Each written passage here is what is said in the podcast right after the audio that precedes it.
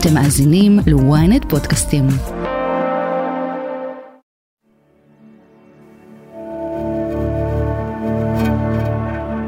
האובדן שהגיע בעקבות מתקפת 7 באוקטובר והמלחמה שאחרי הוא עצום. כל אחד מאיתנו מכיר בקרבה כזו או אחרת מישהו שנרצח או נפל. אבל בתוך הכאוס של הימים הראשונים נוצר אתגר חדש.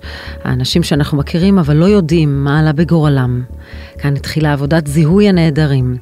מדובר במלאכה קשה, כואבת, בלתי ניתנת לעיכול. לצד הכמויות הבלתי נסבלות, חלק מהגופות הושחתו עד כדי עפר. אבל מדינת ישראל הבטיחה שתעשה הכל לזהות את כל הנעדרים ולא תשאיר משפחה בחוסר הוודאות הנורא הזה. כל אדם זכאי לקבורה ומנוחת עולם. אז איך התמודדו במכון לרפואה משפטית עם המצב באותם רגעים? כיצד מזהים כמות גדולה כל כך של גופות בזמן קצר? מה קורה בתהליך הזיהוי? ואיך ניתן לקבוע אם אדם בחיים רק דרך סרטונים ותמונות? אני שרון קידון, וזאת הכותרת. דוקטור חן קוגל, מנהל המכון לרפואה משפטית, אתה היית שם מהרגע הראשון, אבל לפני שניכנס לאירועים הנוראים שפקדו אותנו, אני רוצה שתסביר לנו רגע על תפקידו של המכון לרפואה משפטית באבו כביר בימי שגרה, ומה התהליך מרגע שמגיעה אליכם גופה. אז קודם כל רפואה משפטית זה מקצוע ברפואה שהוא קצת שונה ממקצועות אחרים, מכיוון שרפואה משפטית משתמשים בה בידע רפואי כדי לסייע לפתרון של בעיות במערכת המשפט. זאת אומרת שאנחנו בכלל אה, לא מטפלים באנשים, אנחנו בסך הכל מסייעים למערכת המשפט. עכשיו, כאשר מובא לכאן מנוח, אנחנו מנסים לבדוק מה גרם למותו, וכשאני מדבר על סיבת המוות, זה לא רק הדבר, האירוע הביולוגי הקליני שהביא לסיום החיים, אלא איך זה קרה, ומי עשה את זה, ומתי זה קרה, ובאיזה אמצעים וכולי. והדברים האלה, הם קורים בגופות שמגיעות לכאן, אבל כל גופה זה לפי מה הצרכים.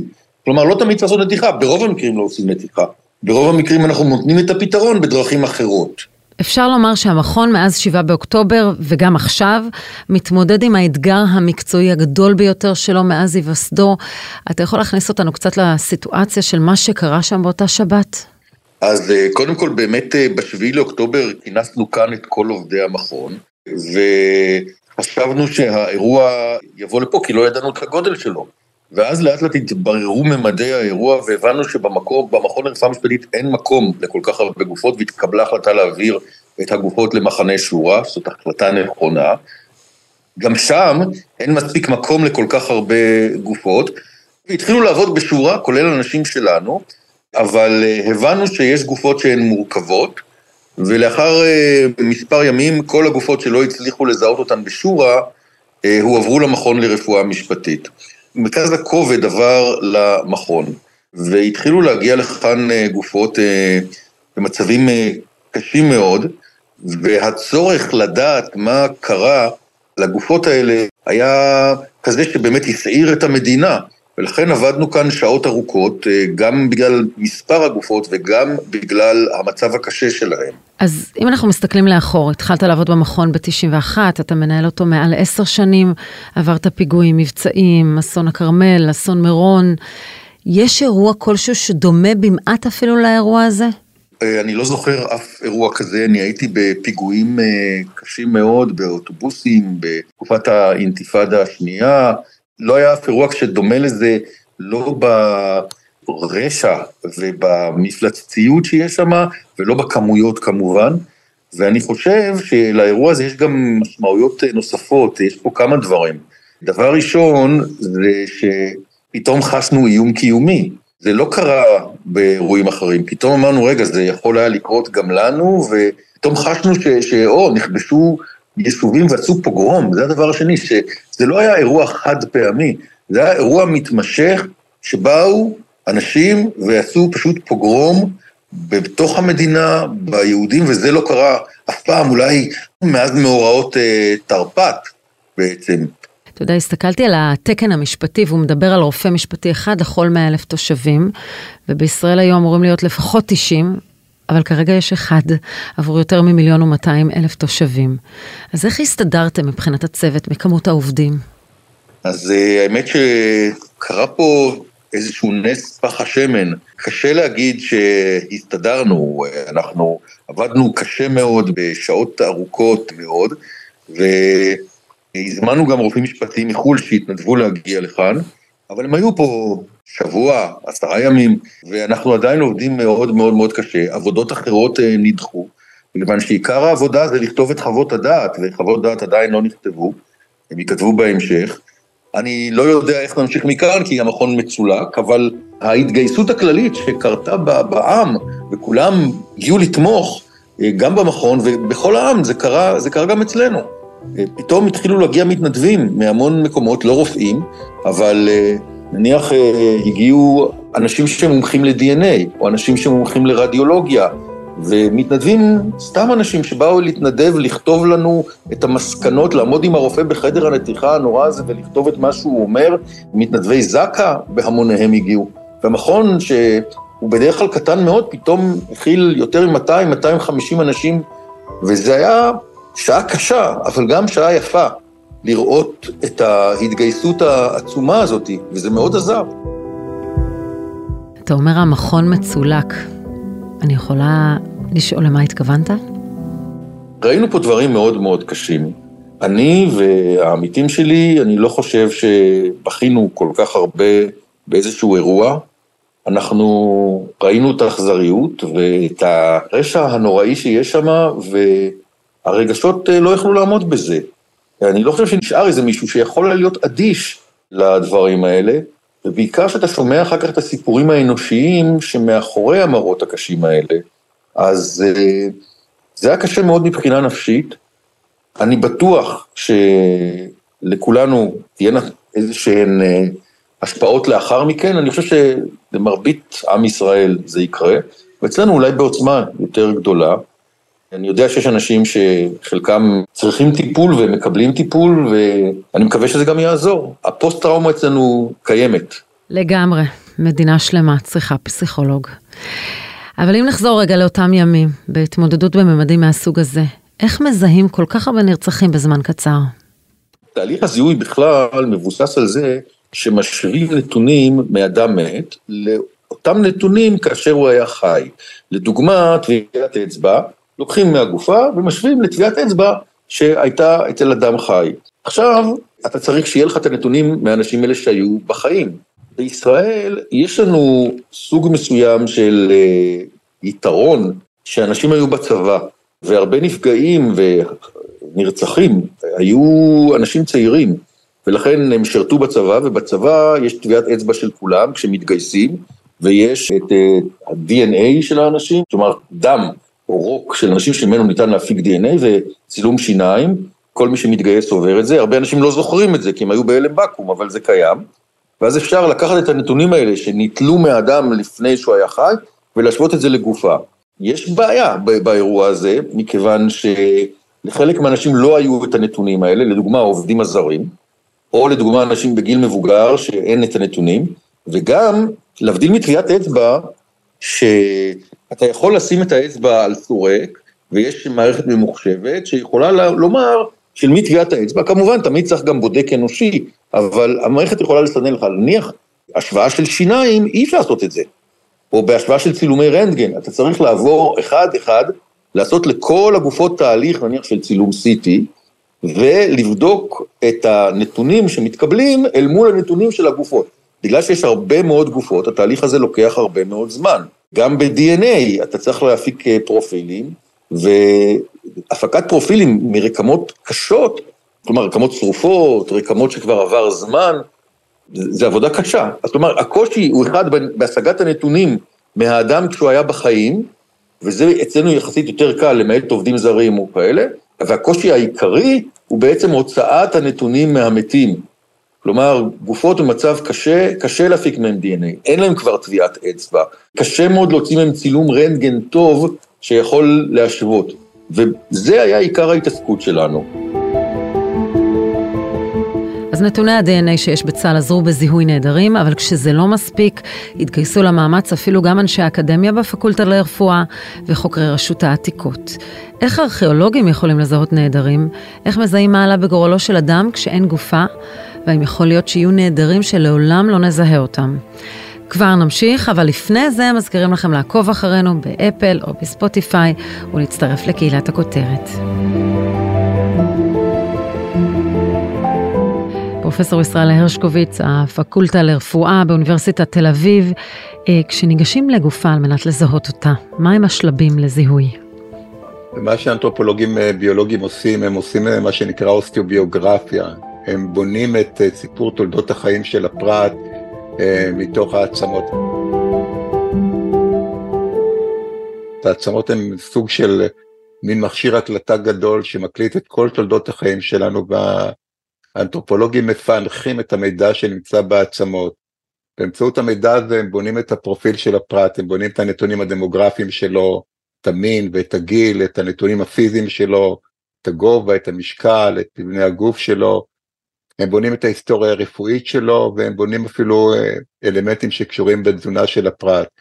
ברגע שהם משלימים את בניית הפרופיל הביולוגי של הפרט, הם משווים אותו לפרופיל הביולוגי של אנשים שנעדרים ומנסים למצוא התאמות בין הפרופילים שהם בונים לפרופילים הידועים.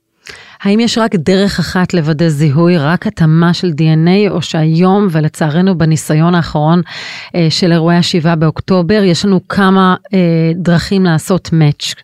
אה, האנתרופולוגיה הביולוגית נכנסת לתמונה כשהפרופיל גנטי לא מצליח או שהוא מצליח רק באופן חלקי, לפעמים הפרופיל הגנטי נותן רק אה, תמונה חלקית, למשל את מין הפרט ולא יותר מזה, ביחד עם המידע האנתרופולוגי אפשר לבנות תמונה הרבה יותר מדויקת של הפרט ולזהות אותו.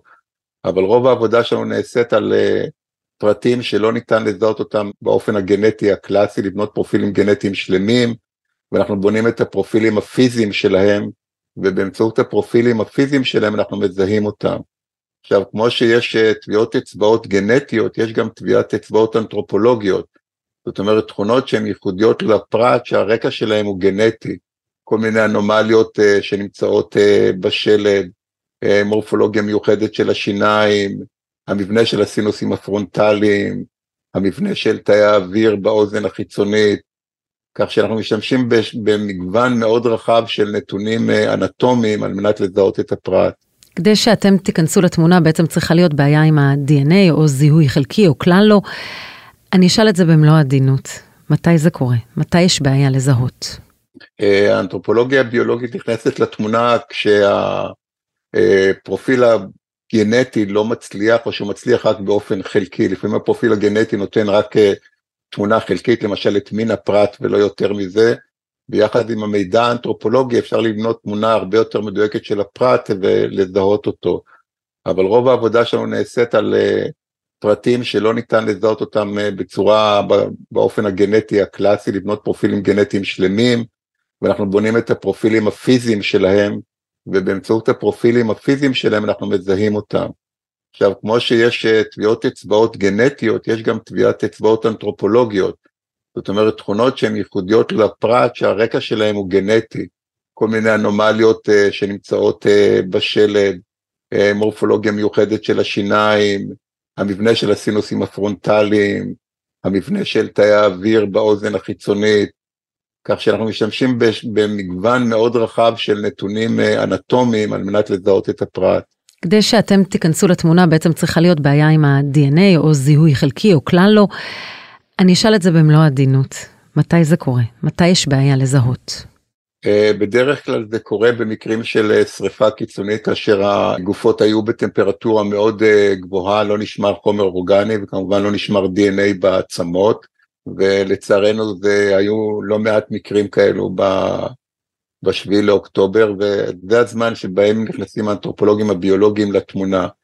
אבל האנתרופולוגים הביולוגיים משלימים גם צדדים אחרים של העבודה הפורנסית, הם משלימים למשל מידע על סוגים של uh, אלימות, הם משלימים uh, מידע על מספר פרטים שנמצאים uh, באזור מסוים, יש מגוון מאוד גדול של תחומים שהאנתרופולוגים הביולוגיים עוסקים בו, שמסייע בזיהוי. אנחנו ראינו שהגענו למצב שבו אפילו רשות העתיקות, ארכיאולוגים, למעשה מסננים עפר כדי למצוא אה, שביב מידע שיכול לעזור. איך מכמה מילימטרים של גרגר, של עפר, אפשר להגיע לזיהוי?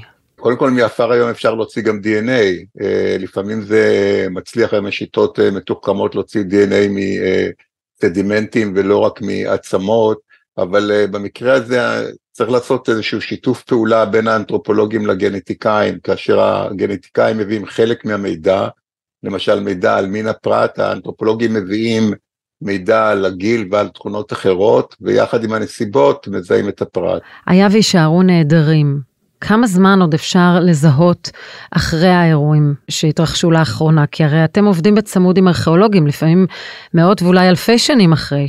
עצמות יכולות להישמר בתנאים מסוימים אה, זמן מאוד אה, ארוך, למשל אם לוקחים את הדוגמה של ה-11 בספטמבר בארצות הברית, אז חלק גדול מהאנשים שנספו באסון הגדול הזה לא זוהו, והאמריקאים אה, לא קברו את השרידים שלהם, את העצמות של האלה, שומרים אותם למצב שבו הטכנולוגיה תשתפר, הידע האנושי יגדל וניתן יהיה לזהות אותם.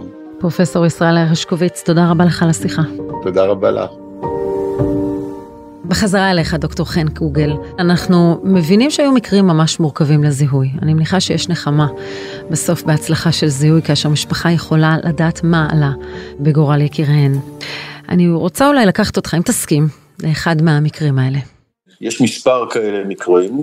חלק גדול מהגופות היו שרופות ברמה כזאת שלא היה ניתן להוציא DNA בכלל. כי המחבלים השתמשו בחומרי בעירה וגם בסוגי תחמושת שגורמים לטמפרטורות מאוד מאוד גבוהות, ומעל 700 מעלות צלזיוס למשך זמן, העצמות אה, נשרפות כל כך שאין בהן כבר יותר DNA.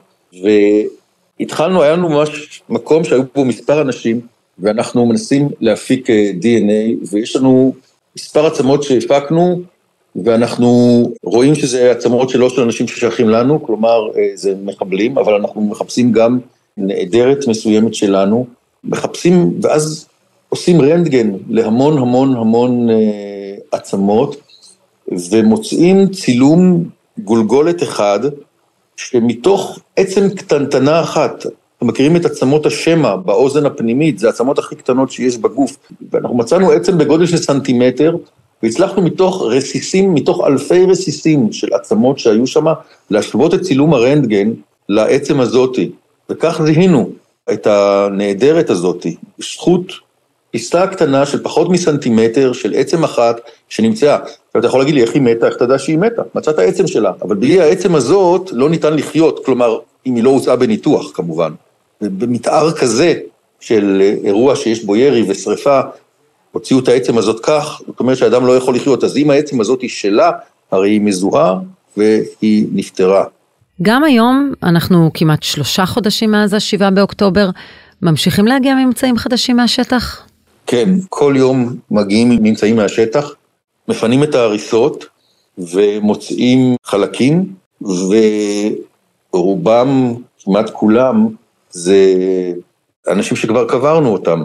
יש אה, חלקים רבים שהם מחבלים, גם מחבלים נמצאים שם, ועדיין צה"ל מחפש בעזה ומוצא גופות, ומעבירים לכאן מדי פעם, לא מדי פעם, די הרבה גופות. רק שלצערנו, קודם כל, זה לא גופות של ישראלים, לשמחתנו, לצערנו, אני מקווה שהישראלים יחזרו חיים, אבל אנחנו מחפשים עדיין מספר אנשים, חושבים שאולי הם בעזה, ואולי הם מתו, ואנחנו בודקים גופות כל הזמן כדי לראות, אולי זה מישהו מהם. בהקשר הזה לפעמים היכולת לקבוע אם אדם בחיים או לא נעשית ללא גופה, ללא שום עצם פיזי, על פי עדויות של אנשים שהיו עם האדם הזה ברגעים האחרונים שלו, כמו שמאיה רגב תיארה את הרגעים האחרונים של גיא אילוז, זכרו לברכה. כלומר, זה משהו שקרה אצלכם במכון לרפואה משפטית? אז אה, נכון, זה קרה אולי הפעם הראשונה במגזר האזרחי, כי בצבא כבר יש חללים שמקום קבורתם לא נודע, אבל אה, במגזר האזרחי זה קרה בפעם הראשונה שאנחנו קיבלנו מידע, זה מידע נניח ממצלמות אבטחה, מאנשים שצילמו כל מיני אה, אירועים בטלפון הסלולרי, ישראלים ש, שהיו להם כל מיני מקרים, ואחר כך אנחנו רואים שהגופה איננה שם, וראינו שמישהו סוחב גופה, ממידע שונה שהתקבל מכל מיני מקורות אה, אה, ועדויות, ו, ישבנו בוועדה שישבו שם אה, שלושה רופאים, אה, אני, ראש אה, חטיבת הרפואה במשרד הבריאות, מנהל בית חולים שערי צדק, ששניהם כירורגים, וכמובן בוועדה ישנם אנשים מהצבא, מהמשטרה, יש רב, ואנחנו מקבלים את הממצאים וצריכים להחליט שני דברים. אחד, האם מי שאנחנו רואים בתמונה, נניח של איזה מצלמת אבטחה או מצלמת רכב, האם זה האדם שאנחנו מדברים עליו, לזהות, והאם האדם הזה מת.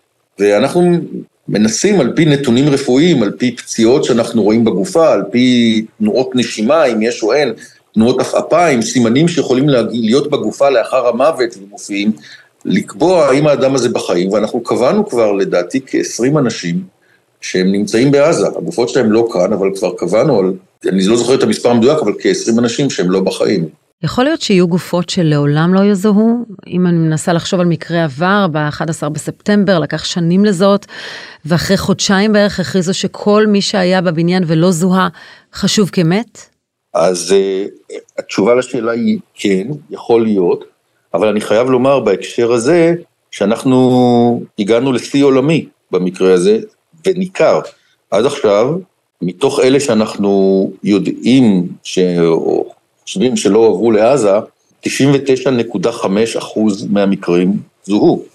זה לא קרה בשום מקרה, בשום אסון שקרה אי פעם בעולם, לא זוהו 99.5 אחוז מהמקרים של אנשים שהיו אה, נעדרים. ודבר נוסף, שהמשוואה פה היא מאוד מורכבת, מכיוון שאנחנו לא יודעים בוודאות מי נחטף לעזה ומי נרצח, אבל הגופה שלו היא כאן, אנחנו לפחות בחלק מהמקרים אנחנו יודעים שיש אנשים שהם בעזה והם אה, נרצחו, וזה גופות של אנשים שנמצאים בעזה, אבל יש אנשים שנמצאים בתווך שלא ברור האם הם כאן, ואנחנו באמת נחפש אותם ואולי לעולם לא נזהה אותם, או שהם נחטפו לעזה ונרצחו שם, והגופות שם, ואולי אף פעם לא נמצא אותם. אני, אני מקווה שימצאו את כולם, ואני מקווה שכולם חיים.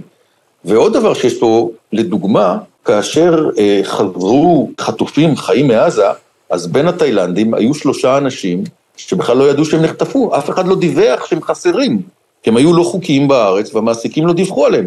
כלומר, יכול להיות שיש אנשים בעזה, אני מניח לא ישראלים, אולי עובדים זרים, שאנחנו בכלל לא יודעים שהם שם. נקווה שנזהה בסוף את כל האנשים היקרים לנו. דוקטור חן קוגל, מנהל המכון לרפואה משפטית, תודה רבה לך על השיחה. תודה רבה, שרון.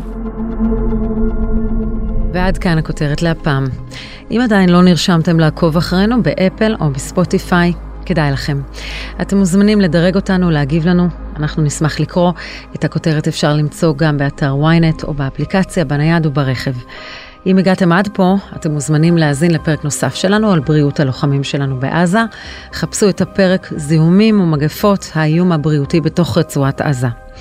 תחקיר הפקה ועריכה, גיא סלם ועדן דוידוב, סאונד ומיקס, עמרי זינגר, אני שרון קידון, שמרו על עצמכם.